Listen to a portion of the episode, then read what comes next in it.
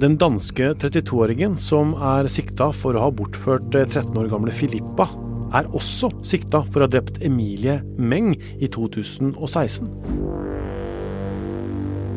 Dette er en ekstraepisode av Krimpodden. Jeg heter Tor Erling Tømt Ruud, og jeg har med meg Øystein. Vi får jo meldingene inn akkurat nå, Øystein Mili. Hva, hva er det det går på?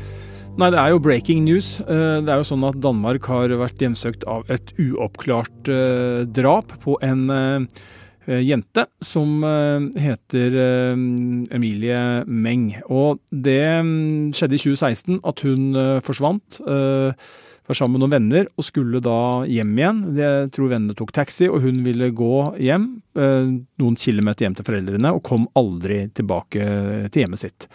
Så var hun borte lenge, savna, og ble funnet samme år i 2016, før jul, dumpet i et tjern. Og da forsto man at dette var et drap. Til da så hadde jo politiet jobba etter flere hypoteser, bl.a. at det kunne være en ulykke. Men det viste seg da ikke at det var. Hun var helt åpenbart drept når man da gjorde undersøkelser av, av kroppen hennes. Og så har den saken stått uoppklart.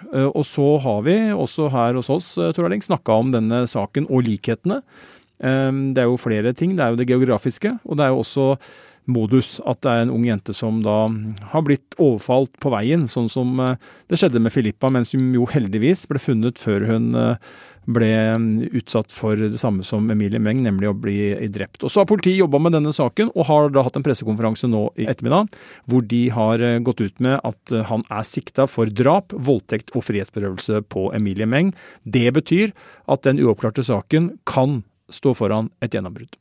Dette her handler jo om den samme øya som København ligger på. Det er på vestsiden av den øya, og det er jo på en måte da ganske nærhet i geografi da, fra, fra der Filippa ble tatt, og der Emilie Meng ble funnet og, og, og, tatt bort fra. Ja, for det er også ytterligere en hendelse som nå kommer frem her. Han er jo sikta for trusler med kniv, forsøk på frihetsberøvelse og forsøk på voldtekt av en ung kvinne i november 2022, altså for et halvt år siden, i Sore. Og Sore ligger heller ikke så langt unna de to stedene, så her er det tre straffbare forhold begått mot unge kvinner, skråstrek jenter, som man da nå knytter denne mannen til.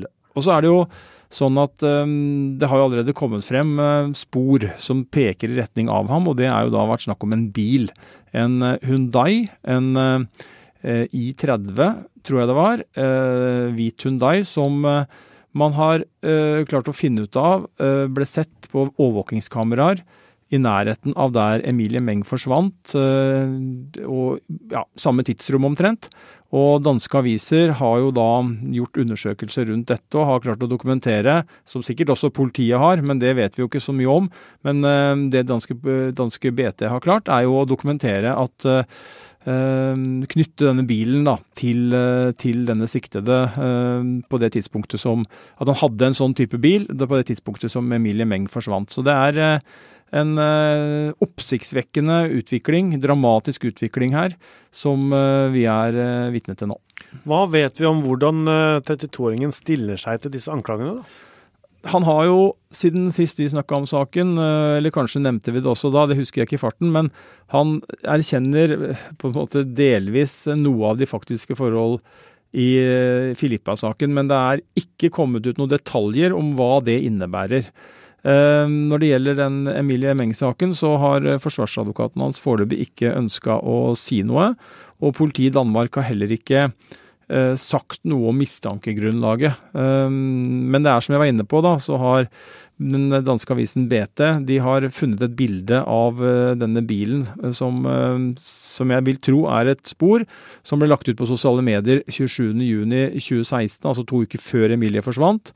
Og det er altså i besittelse av en faktura for 2019 som viser det samme nummerskiltet, som knytter da denne Uh, bilen nær, altså den, den er nær tilknytta siktede, melder danske aviser. Um, så får vi jo se hva som ruller på videre her.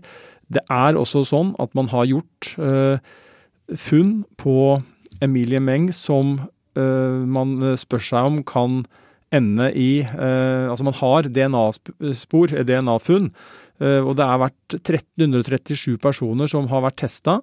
Men ingen har treff. Og det er klart at nå har man da muligheten, hvis DNA, dette DNA-materialet er, er si, god nok, godt nok til å identifisere en, en mann som kan, være, som kan være den som har avgitt denne DNA-materialet, så vil man jo kanskje kunne knytte ham eventuelt til, til saken gjennom DNA. Det er jo en del av det som som pågår nå. Så er det verdt å nevne at den etterforskningen av Emilie Meng er jo sterkt kritisert i Danmark. Politiet har gjort en dårlig jobb, er det mange som mener. Man har Uh, man uh, brukte blant annet, eller man tok for lite, uh, var for lite grundig når man henta inn videomateriale, elektroniske spor. også teledataene har det vært kritisert hvordan man har behandla, så her er det en sak som som har fått en skjev start, som, eh, som, nå da politiet kanskje kan ha fått et gjennombrudd i. Nå sitter vi i eh, det lille studioet vårt, Øystein, og vi oppdaterer jo faktisk eh, mediene mens vi prater her. Og nå kom det jo inn, VG er oppdatert på nytt, at mannens forsvarer, da, Karina Skau, sier til danske Ekstrabladet at hun ikke har noen kommentarer, som du sa, bortsett fra at han nekter straffskyld i Emilie Meng-saken. Så han mener jo da at han er uskyldig i det, da. Ja, og der ser vi hvor fersk denne episoden er. Det er som du sier, vi sitter nå Det er bare et kvarter siden denne nyheten kom, og, og vi sitter nå og, og, lager denne episoden her mens uh, nyhetene dundrer inn rundt oss. Uh, og det er jo sånn vi gjør når det dukker opp så dramatiske utviklinger i, i, saker som uh, det har skjedd her. Du kom til og med inn i studio hvor jeg satt og hadde et annet intervju, og så spurte du om jeg var ferdig. Det er riktig, og jeg har en uh, gjest sittende i et naborom som venter på å bli intervjua av meg, som egentlig skulle begynt for et kvarter siden. Men hvis du da trekker pusten litt, da, og, og ser litt, litt, litt overblikk her, hva er det vi ser nå i Danmark?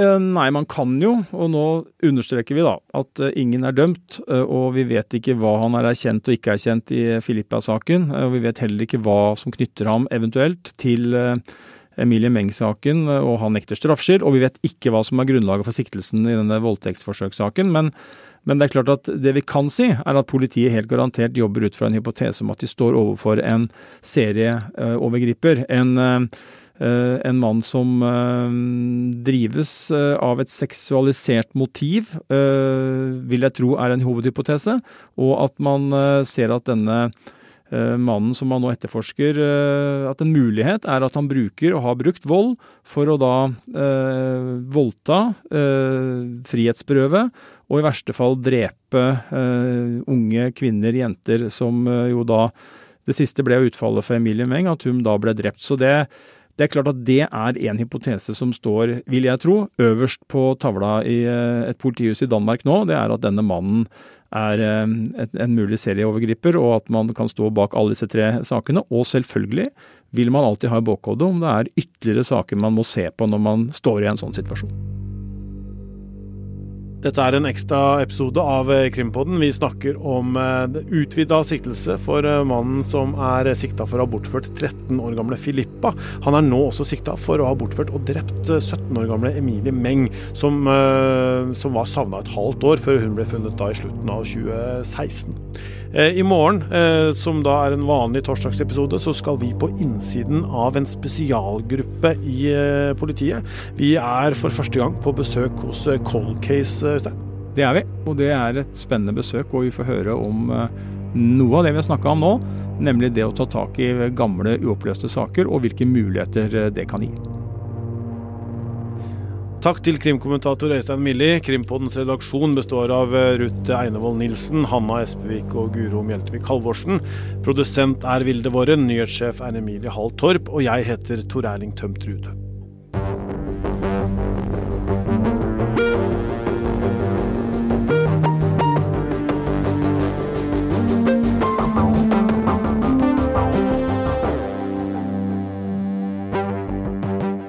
Har hørt en podkast fra VG. Ansvarlig redaktør, Gard Steiro.